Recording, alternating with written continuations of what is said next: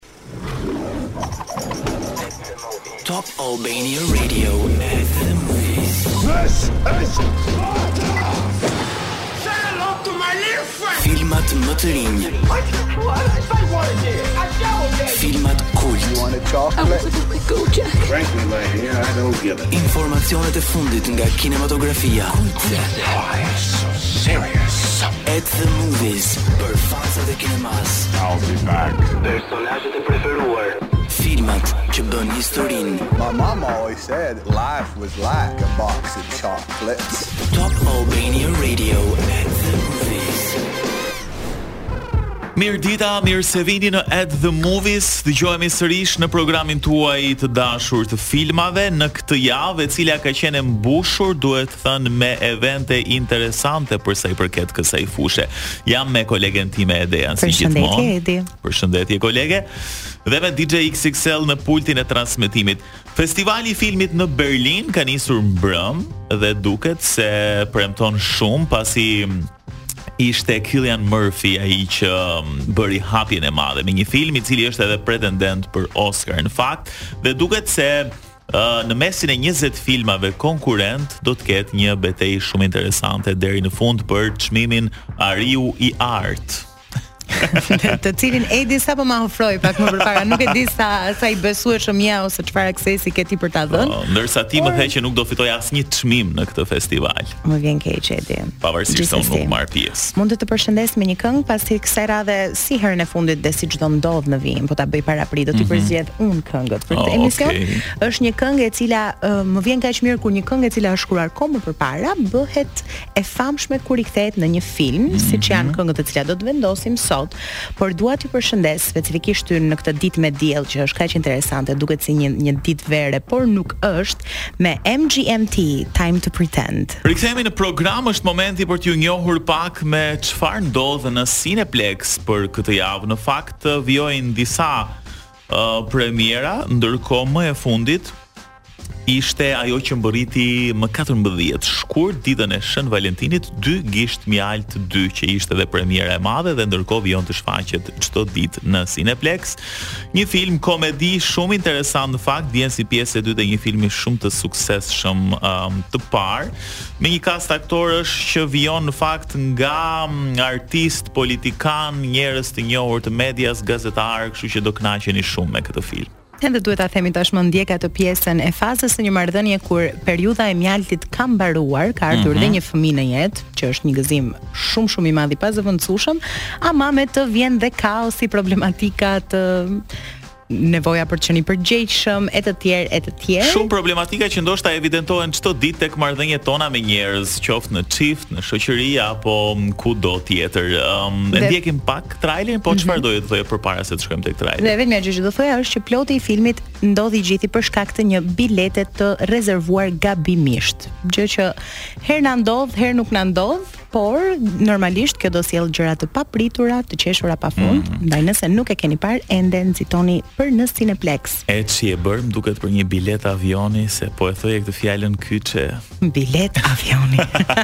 Mirë, ndjekim pak trailerin e Dy gisht mjaltë 2 tani. Pushimet familjare janë herë relaksuese e herë të zhurmshme. Di që njëvjetorin e harrova, ama ky dyvjetor do të jetë një ëndërr. Ama ku ka pushime familjare, ka kaos. Nuk e ka frikë, ka frikë.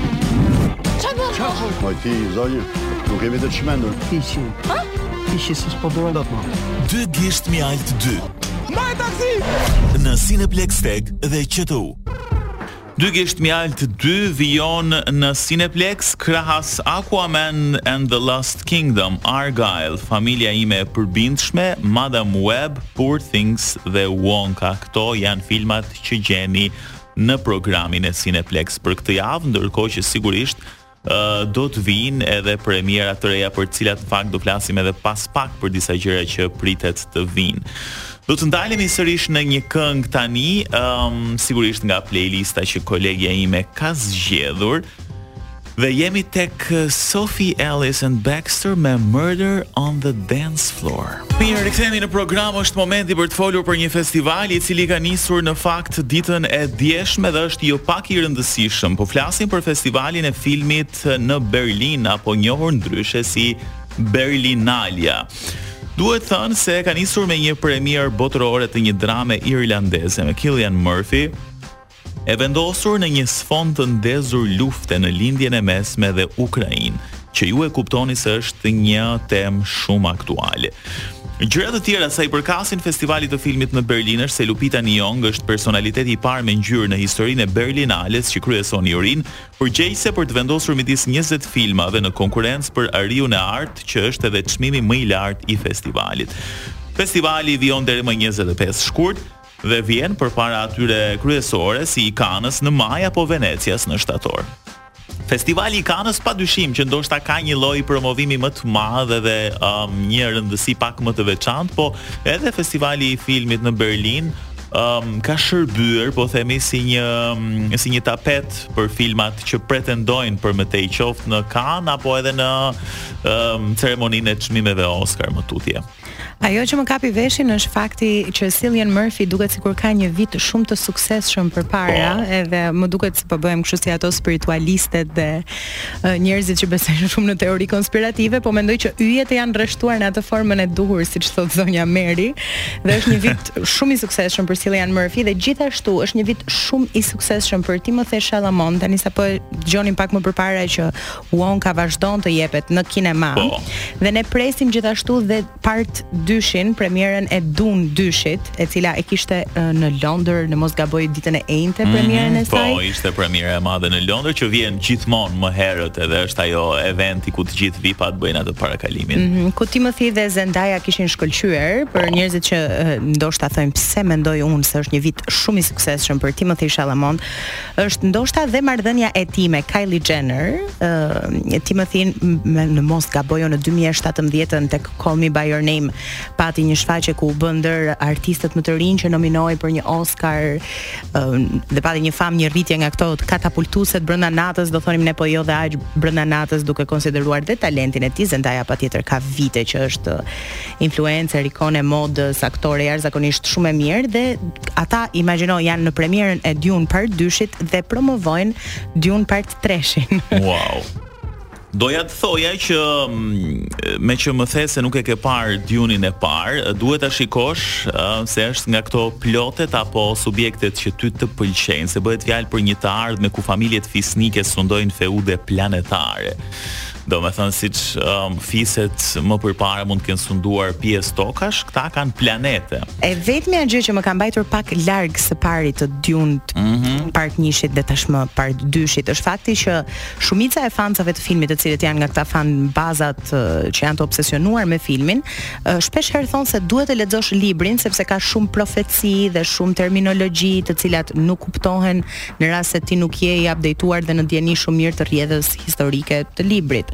Absolutisht, sepse është bazuar aty dhe në fakt Dune është marrë si një lloj ëm um, gjëje që po ndodh sot, pra është lufta e politikave, feja, uh, burimet e çmuara të planetit, të cilat sipas shkencëtarëve po shkojnë uh, gjithmonë e më tej drejt zhdukjes dhe mm -hmm. të gjitha këto janë parashikuar të mendosh shumë vite më përpara kur është shkruar libri dhe kjo është shumë interesante. Është pikërisht kjo ajo çka mua më ndezi atë poçin tim brenda trurit dhe tha Idea duhet ta shohësh këtë film sepse kur paçka se duket shumë fantashkencë nga traileri dhe ndoshta njerëz që nuk janë fansa medoemos të fantashkencës dhe të efekteve të mëdha speciale, dhe janë njerëz që duan të shohin diçka reale, po ja u themi ne të parët paraprakisht që Dune shërben si një metaforë për realitetin tonë të përditshëm. Ndaj nuk është aq larg reales, por është shumë më tepër prezente nga ç'e mendoni. Absolutisht. Dune 2 do të vijë në Cineplexx në fund të këtij muaji. Ndërkohë, uh, u shfaq para pak ditësh Dune i parë me qëllimin që ta keni sa më të freskët kujtimin e filmit të parë për të vijuar më pas me pjesën e dytë. Dhe një gjë tjetër që ka qarkulluar shumë në internet ditët e fundit është edhe Fantastic Four dhe Marvel gjeti një mënyrë interesante për të bërë prezantimin e kastit për Shën Valentin, edhe pse filmi nuk është drejtpërdrejt i lidhur me këtë festë, dhe duket se një ndër aktorët që unë e kam shumë qejf Pedro Pascal do të jetë në rolet kryesore bashkë me Vanessa Kirby, Ebon Moss-Bachrach dhe ylli i Stranger Things Joseph Quinn do të jenë katërshja e Fantastic Four, Filmi do të vijë me regji të Matt Shakman dhe do të dalë në kinema diku nga korriku i vitit të ardhshëm. Ka kohë deri atëherë, po duket se është zbuluar vetëm kasti. Do të shkëputemi tani për pak muzikë dhe publicitet dhe rikthehemi me çfarë po ndodh në Netflix me serialet e fundit. Rikthehemi në At the Movies dhe si gjithmonë unë dhe Edi përgatisim listat tona me sugjerime, ku kryesisht përzgjedhim filma dhe seriale të cilat ose ne po i shohim ose janë momentalisht më të ndjekurat në Netflix. Um, ndoshta jam e dyzuar për shkak se jam e rrethuar me njerëz të cilët preferojnë të njëjtat filma si unë ose kanë të njëjtin algoritëm si unë nëpër rrjete sociale. Ama nëse nuk po shihni One Day, çfarë po shihni? One Day, unë po e shikoj për momentin e di e di që unë këto i ha si karamele po, po, po, brenda një jave. Është një novelë e 2009-s nga David Nicholls, e cila në 2011-ën u shndërrua në një film dhe tashmë është shndërruar në një serial.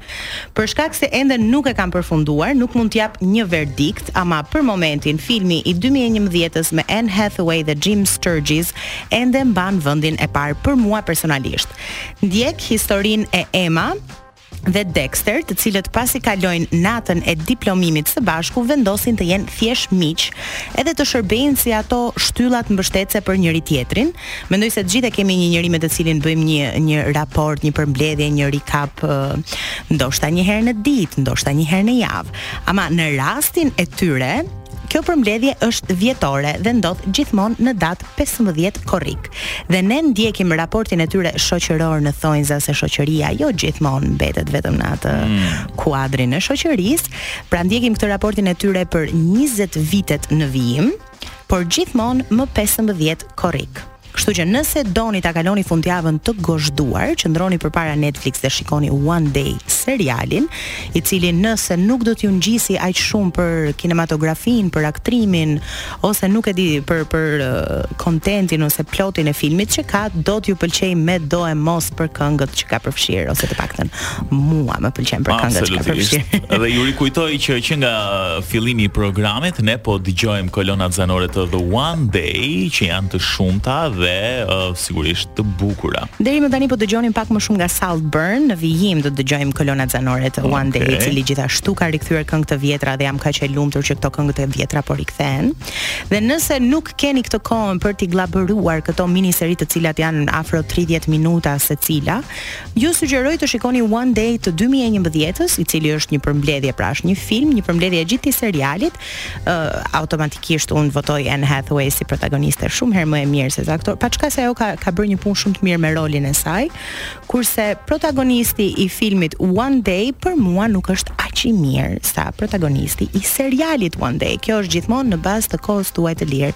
Zgjedhja është e juaja Do ju sugjeroja serialin, pastaj filmin, po, por nëse s'keni kohë. Um, edhe unë këtë po mendoja, se po mendoj që ta shikoj dhe vetë, edhe mendoj që më mirë të shikojmë serialin dhe më pas filmin, se kam përshtypjen që nëse shikojmë filmin të parë, ndoshta interesi do të humbasi pak. Dhe që t'ju bëj apriori, fundi i filmit ka një një kthesë të cilën po e keni parë filmin si unë, nuk do qani aq shumë tek seriali. Okej, është shumë emocionale.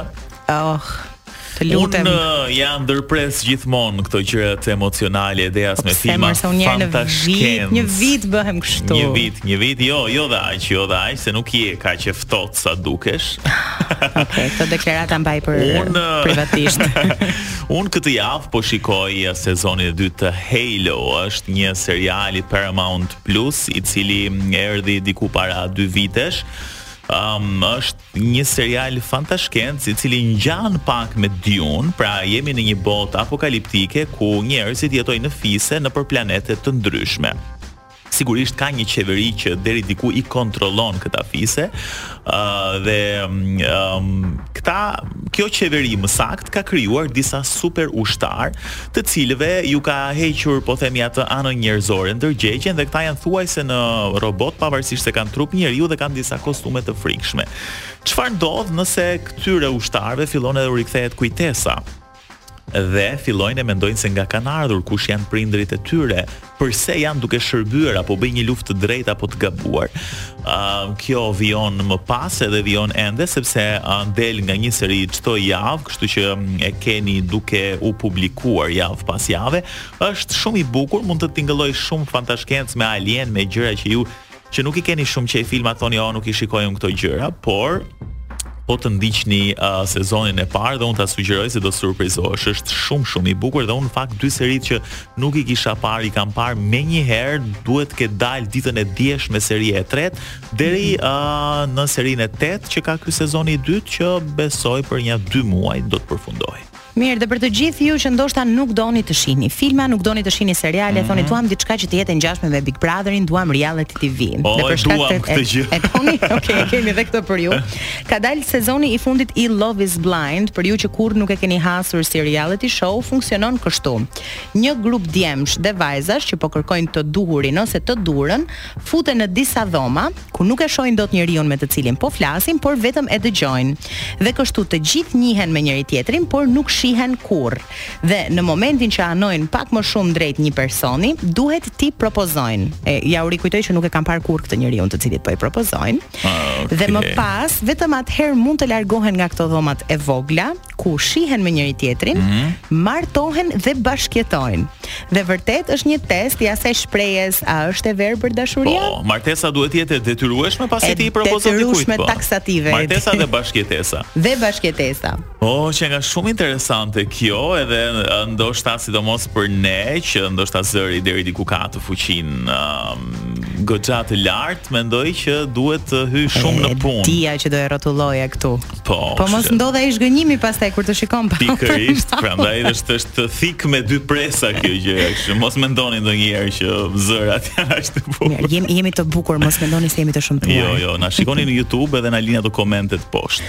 Mirë, uh, bëjmë një shkëputje të vogël, jemi sërish me kolonat zanore mjaft interesante pikërisht um, të serialeve për të cilën uh, për të cilët folëm dhe do të jemi pas pak për kuicin edhe pak nga pak po shkojmë drejt fundit edhe për sot. Po dëgjonit Here Comes Your Man nga Pixies Edhe po mendoja po flisnim pak më parë mbe, me Edin mbi një reality show i cili quhet Love is Blind dhe njerëzit kurrë nuk e kanë parë njëri tjetrin ama dëgjojnë vetëm zërat e njëri tjetrit dhe vendosin a duan të martohen apo jo Edhe mendova nëse do të isha unë pjesë e atij produksioni Në momentin e parë që do takohej ky çifti që ndoshta nuk do ishin përshtat nuk do kishin atë përshtatshmërinë më të mirë fizike me njëri-tjetrin, automatikisht do t'i vendosja këngën Here Comes Your Man. Nga Pixies, po nuk e di pse shkova këtu. ja si u lidhen gjërat ashtu si duhet. Që është kokolepsëm, i themi kësaj. Kokolepsëm. Kemi një fitues për të shpallur për kuicin e javës që po lëmë pas. Um, ka gjetur shprehjen Soy Griselda Blanco. Mm. Blejsid, çfarë emri? Interesant, Blejsid i ka fituar dy bileta për në Cineplexx për të parë filmin e tij të preferuar, në fakt janë dy bileta, kështu që mund të vish në çdo moment tek Top Albania Radio në ambientet e Arena Center për t'i tërhequr biletat. Ndërkohë ne kemi mbërritur në fund dhe mm, padyshim që do të jemi së bashku sërish të premten e ardhshme me premiera të reja dhe me gjëra të tjera për të folur mbi kinematografinë. Fundjavë të këndshme dhe nga ne sugjerimi i javës ishte të shikoni One Day. Mirupafshim dhe mirudëgjofshim.